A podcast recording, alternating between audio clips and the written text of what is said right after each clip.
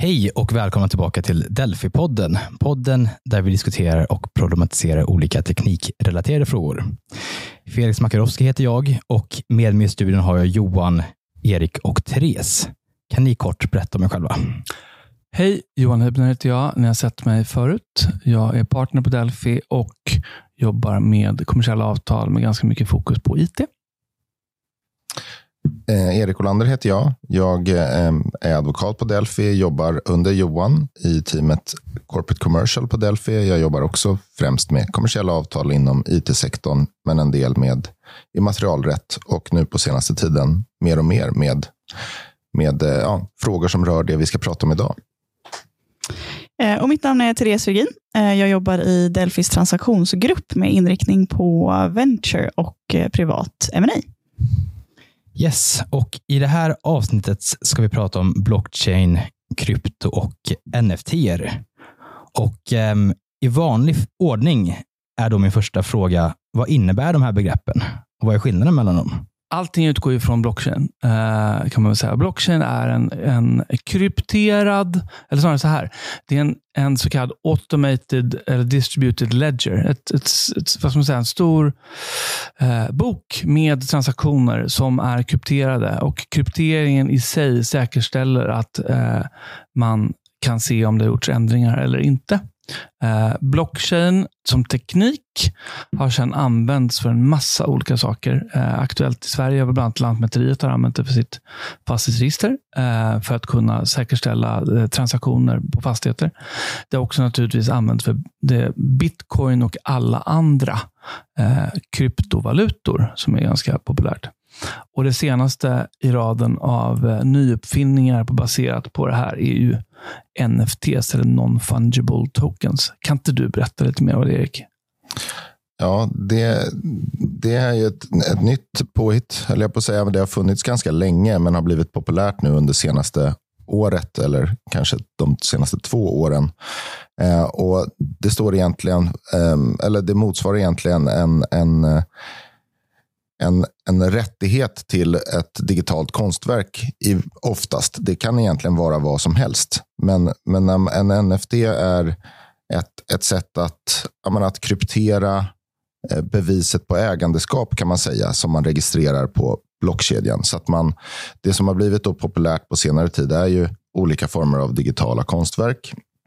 Där man genom att eh, publicera och sälja det som en NFT kan ja, men till exempel då av en specifik bild släppa 20 exemplar till försäljning och genom att man eh, krypterar det här ägandebeviset, enkelt beskrivet, och, eh, och lägger in det på blockkedjan så kan man bevisa ägandeskapet för ett, liksom ett exemplar av, av den här bilden. Då.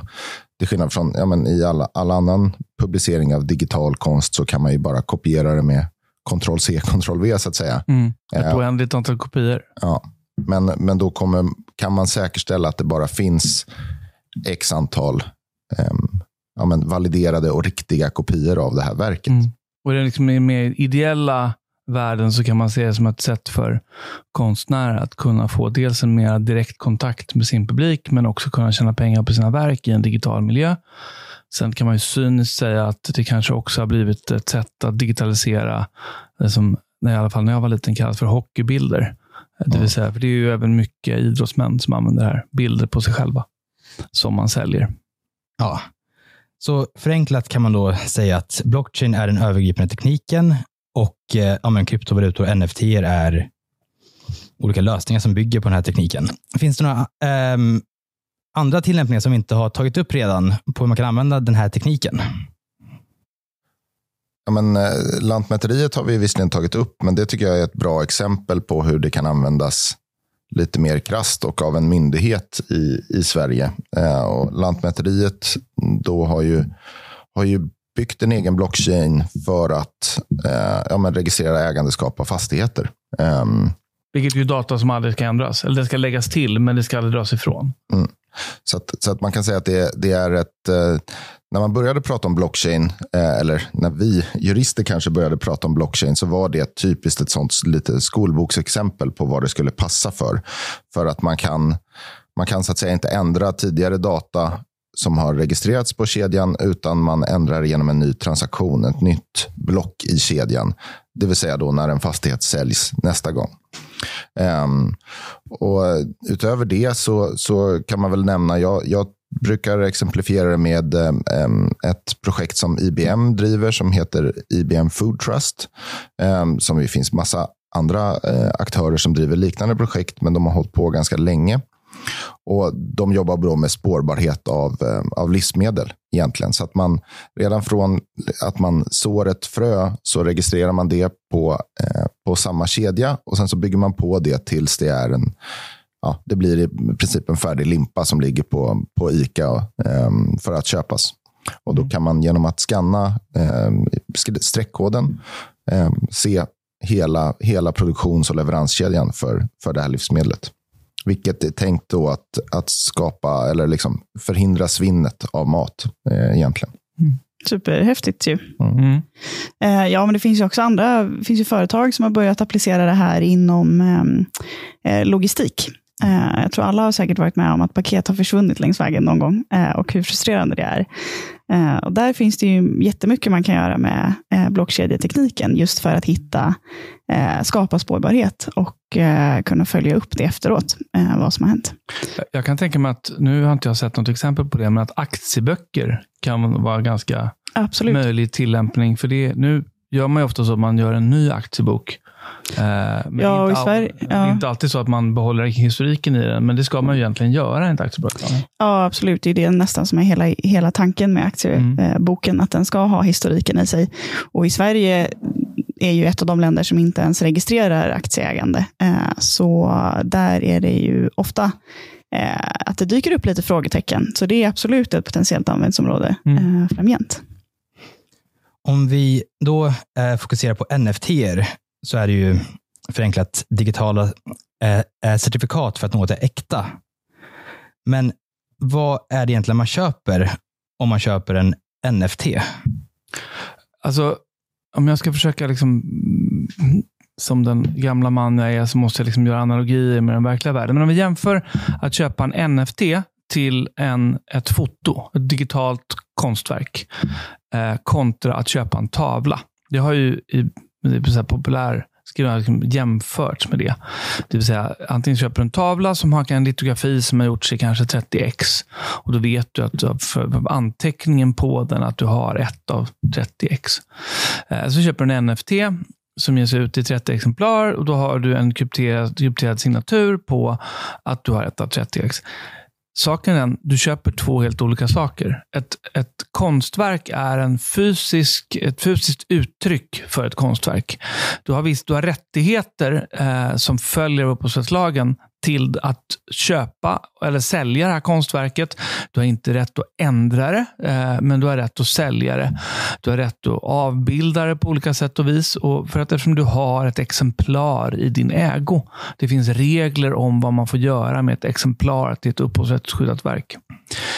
Ett digitalt foto är också ett upphovsrättsligt skyddat verk. Det är så mycket, så långt kommer jag säga. Men att köpa en NFT är ju inte att köpa ett exemplar av det här verket, utan det är att köpa ett värdepapper som representerar ett, eh, ett exemplar. Och då, Vad man får förlita sig på är, det är ju löftet från den som utfärdar NFT att de bara ska göra 30 exemplar.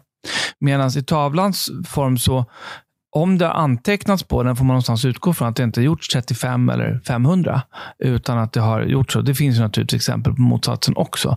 Men, men eh, det finns en, liksom en inneboende så att säga, eh, praktisk tillit i tavelformatet, medan i det andra så ligger tilliten snarare i utfärdaren av den här NFTn, att de inte utfärdar en serie till för samma verk.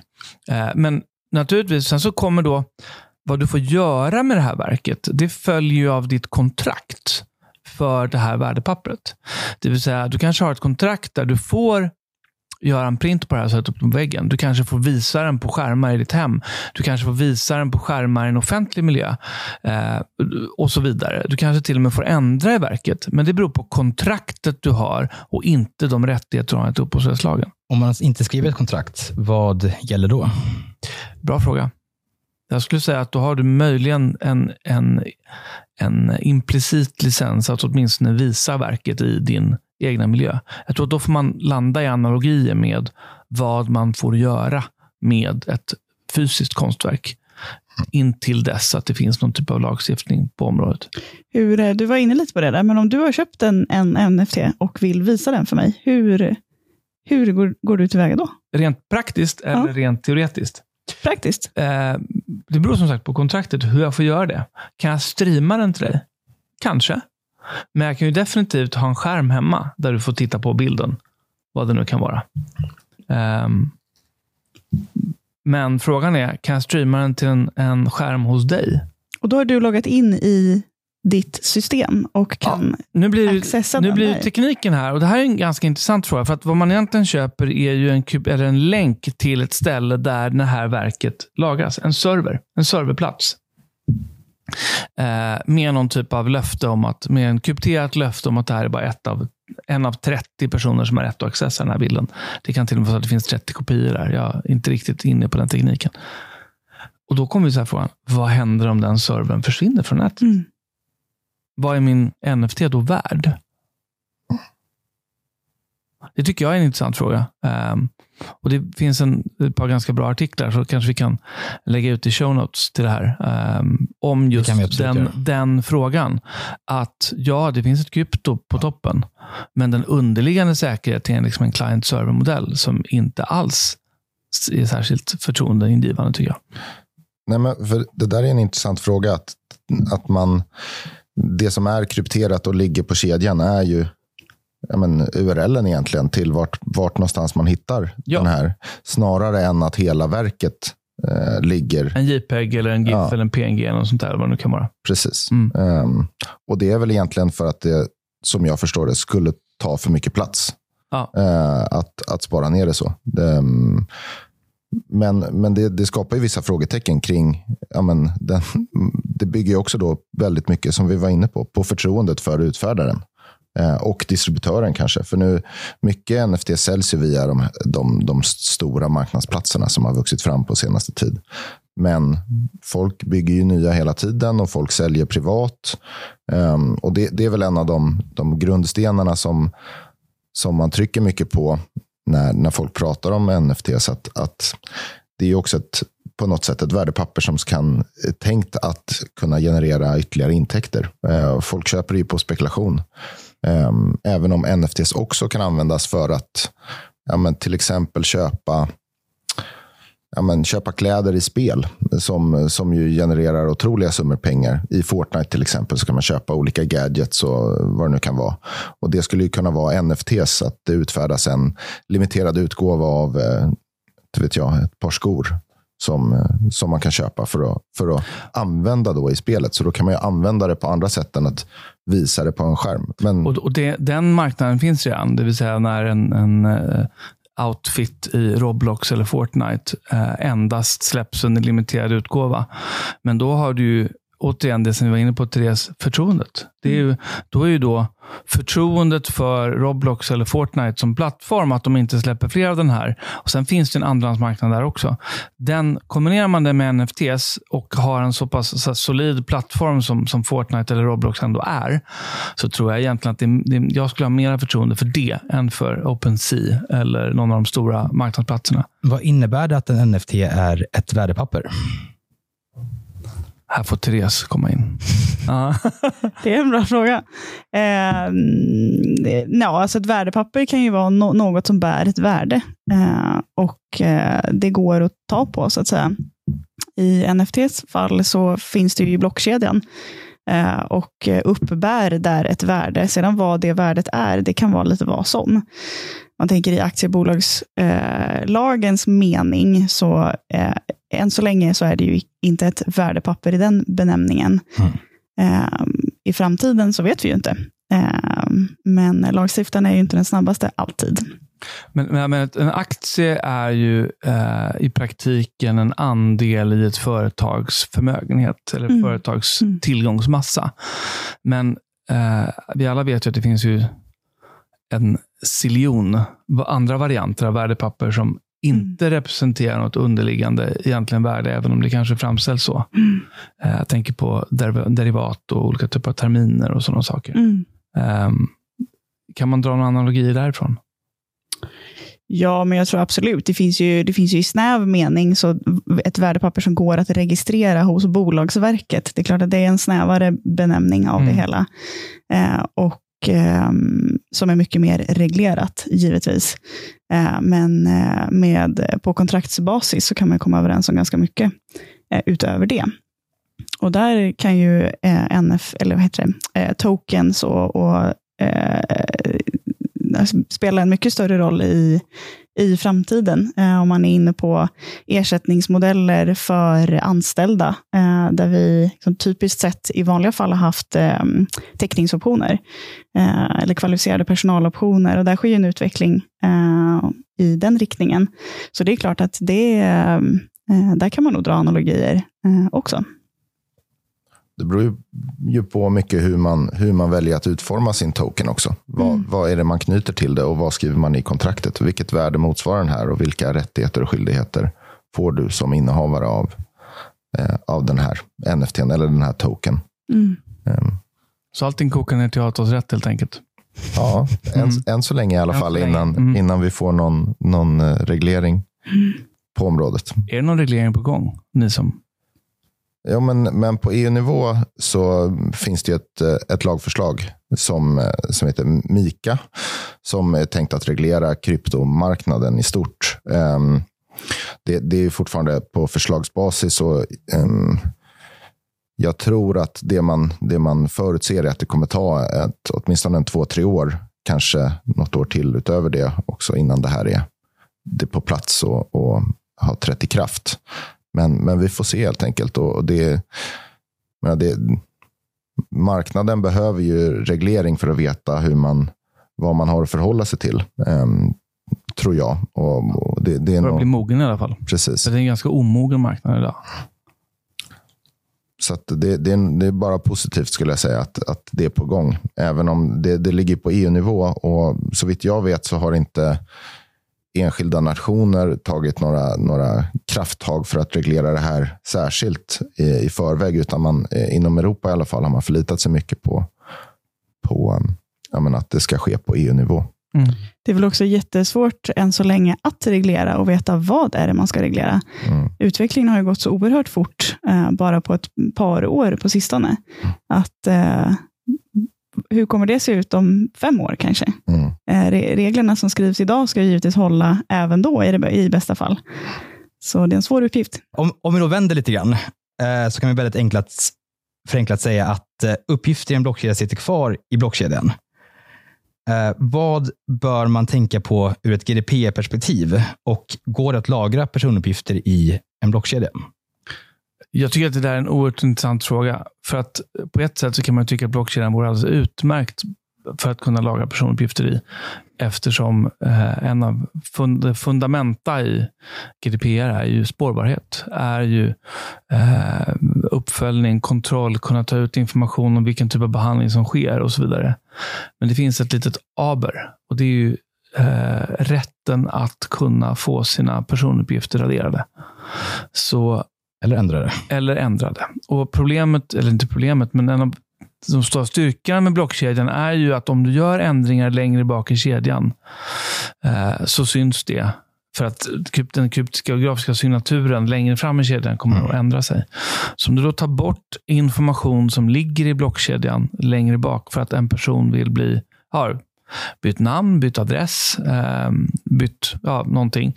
Eh, eller att personen får helt enkelt vill ta bort sina personuppgifter, så kommer det ställa till det, i alla fall i, i min advokatteori här, kommer att ställa till det liksom framåt. Det kanske finns tekniska sätt att mitigera det där. Men när jag har pratat med klienter så har vi pratat snarare utifrån, och som egentligen påminner lite om NFT-idén här, att du har en, en, en blockkedja där du eh, krypterar och har koll på transaktionerna, det vill säga en loggbok över vad som förs. Men själva personuppgiften i sig måste lagras i en databas som kan ändras fritt. Men du kan ju naturligtvis kryptera de transaktioner du gör i den databasen, det vill säga en logg över vad du gör. Jag vet inte om någon annan har en annan uppfattning där. Fråga, ska det gå att ändra tidigare kedjor i en blockkedja? Det, ska ju, det, det, går ju att göra, men gör man det så syns det hela vägen och kommer att ställa, det kommer innebära misstänksamhet och frågor. Och Dessutom så påverkar ju det integriteten i den här kedjan, såklart. Mm. För att det är ju, en av syftena är att det inte ska kunna gå att göra. Mm. Mm. Ja, men, och det, det är en av grundstenarna i, i blockkedjan är ju just kedjefunktionen. Det, mm. det här som Johan har pratat om, att, att eh, de här kryptografiska härsarna som, som kommer ut av, av varje nytt block eh, är länkade till varandra och beroende av varandra. Så att det, det är det som förändras egentligen då när, om man skulle ändra på informationen bakåt i kedjan. Så att det, man, man kan ju såklart ändra. Det, det, är ju svårt, men man kan ju ändra information. Men då faller ju lite... Poängen med den. Mm. Mm. Um, och även frågor som, framförallt med publika uh, kedjor, så kan man ju fråga sig vem som är personuppgiftsansvarig för information som förs mm. i, i den kedjan. Uh, är det någon form av gemensamt personuppgiftsansvar? Det skulle ju vara väldigt svårt att, att argumentera för, tror jag, när, när det är så pass många. Och när man inte vet vem det är som mm. är delaktig i kedjan på det viset. Eh, men, men det är ju andra frågor som, som gör att GDPR och blockchain inte riktigt lirar med varandra på principnivå. Men sen så har ju ja, men, lagstiftaren i, på EU-nivå har ju varit, varit på den här frågan och satt till, tillsatt arbetsgrupper som har utrett det och publicerat rapporter som vi har skrivit om på vår på våran blogg.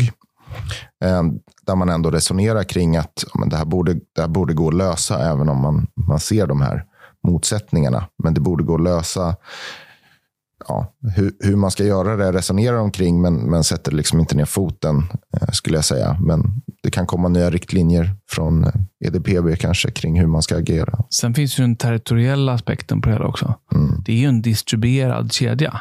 Uh, och den distribuerade kedjan um, enligt förordningen så ska man ju ha koll på var ens data finns. Eh, och Det är inte säkert att man har det om kedjan är distribuerad utan, alltså har man en egen såklart, eller med ett antal. Men jag har sett exempel på där man, vi slänger upp det här på Ether-blockkedjan eh, och då vet du faktiskt inte var datat ligger. Om vi då eh, byter liksom riktning igen. Så Therese, du jobbar ju mycket med venturefrågor och investeringsfrågor. Och den här frågan är väl kanske primärt eh, riktad till dig. Men eh, Erik och Johan, ni får ju också såklart bryta in. Men vilka trender kan du se avseende ja, investeringar och venturefrågor kring NFT och eh, kryptoteknik? Och vilka frågor får vi från våra klienter? Eh, ja, men det är ju superspännande. Man kan ju lugnt konstatera att man märker att det är eh, ett ökat intresse kring de här frågorna. Och med intresse så följer givetvis jättemycket frågor. Och givet att det i Sverige är eh, relativt sett oreglerat eh, hittills, så är det ju mycket frågor kring, som vi var inne på tidigare. Hur ställer sig en token i förhållande till eh, värdepapper?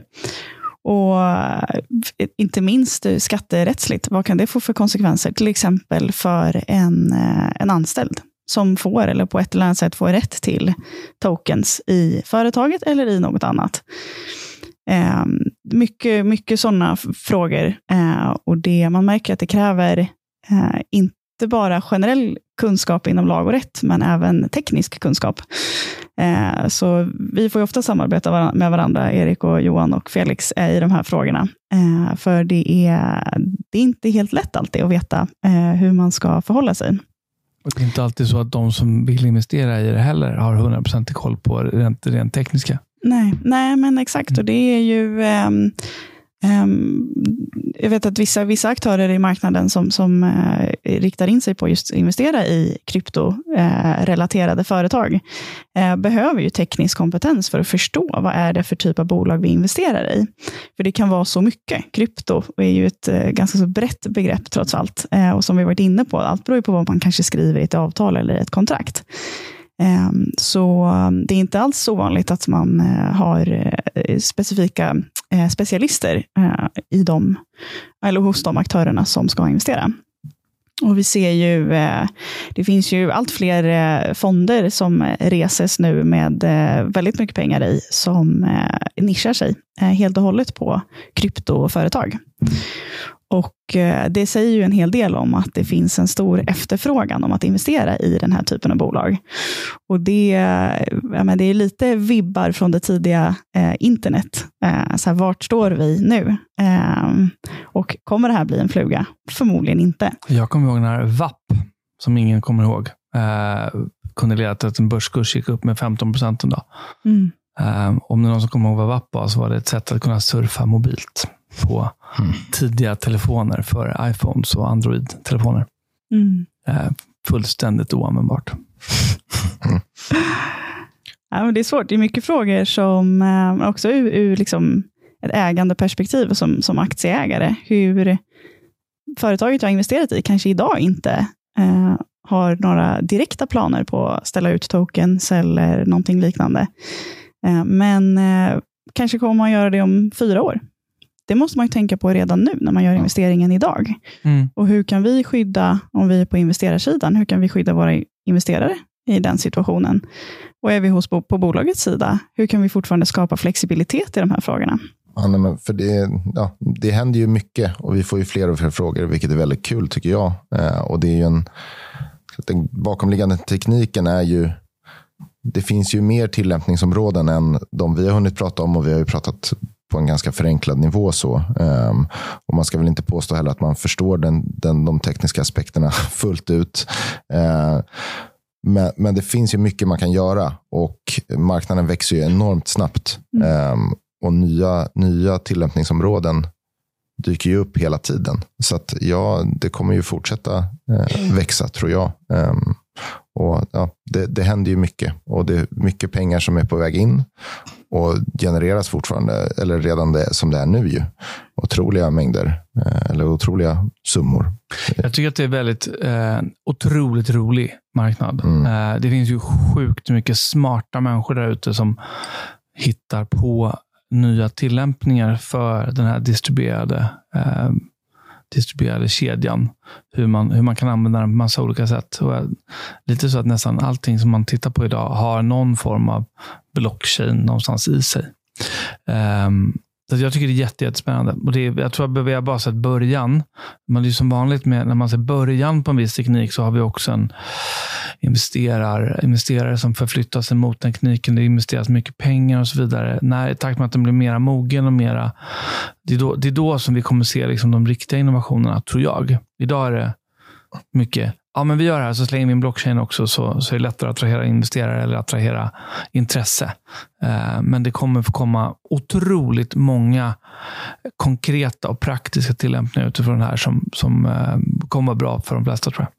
Det tror jag är helt sant. Det är också, även, även riskkapitalister, även om man såklart vill få en bra avkastning på sin investering, så för att det ska bli en riktigt bra investering, så vill du också lösa ett, ett riktigt problem. Mm. Det ska ju vara ett bolag med en, med en, en riktig verksamhet och som, som verkligen ja, löser våra problem, eller eh, industriella problem, eller eh, marknadsproblem, eller vad det nu kan vara. Mm. Um, så de, uh, när, när de här två parametrarna börjar samarbeta med varandra, uh, mm. så tror jag att uh, det är superspännande att se vad för mm. typ av bolag som, som börjar etablera sig. Mm. En ganska stor del av juristrollen är att se och, och hitta problem. till mångas förtret. Men vilka utmaningar och risker ser ni kring tekniken? Jag, det, alltså jag tror att det finns två stycken utmaningar. jag ska. Den ena är naturligtvis energikonsumtion. Uh, vi vet redan idag att bitcoin tror jag konsumerar mer el än Nederländerna. Uh, den kedjan. Det, det, måste hittas, det måste lösas på ett sätt som gör att det här blir ett, eh, ett hållbart och framtidssäkert sätt att kunna hantera data. Det är den ena frågan. Den andra är det som jag var inne på tidigare, förtroendefrågan. Um, som alla nya tekniker, nya företeelser och allting sånt där. Om det, ett förtroende byggs upp väldigt fort, men det kan också brytas ner ännu snabbare. Så om det skulle hända någonting, vi, Erik var inne lite tidigare på att egentligen så är det en, en NFT, en länk till en, eh, en server.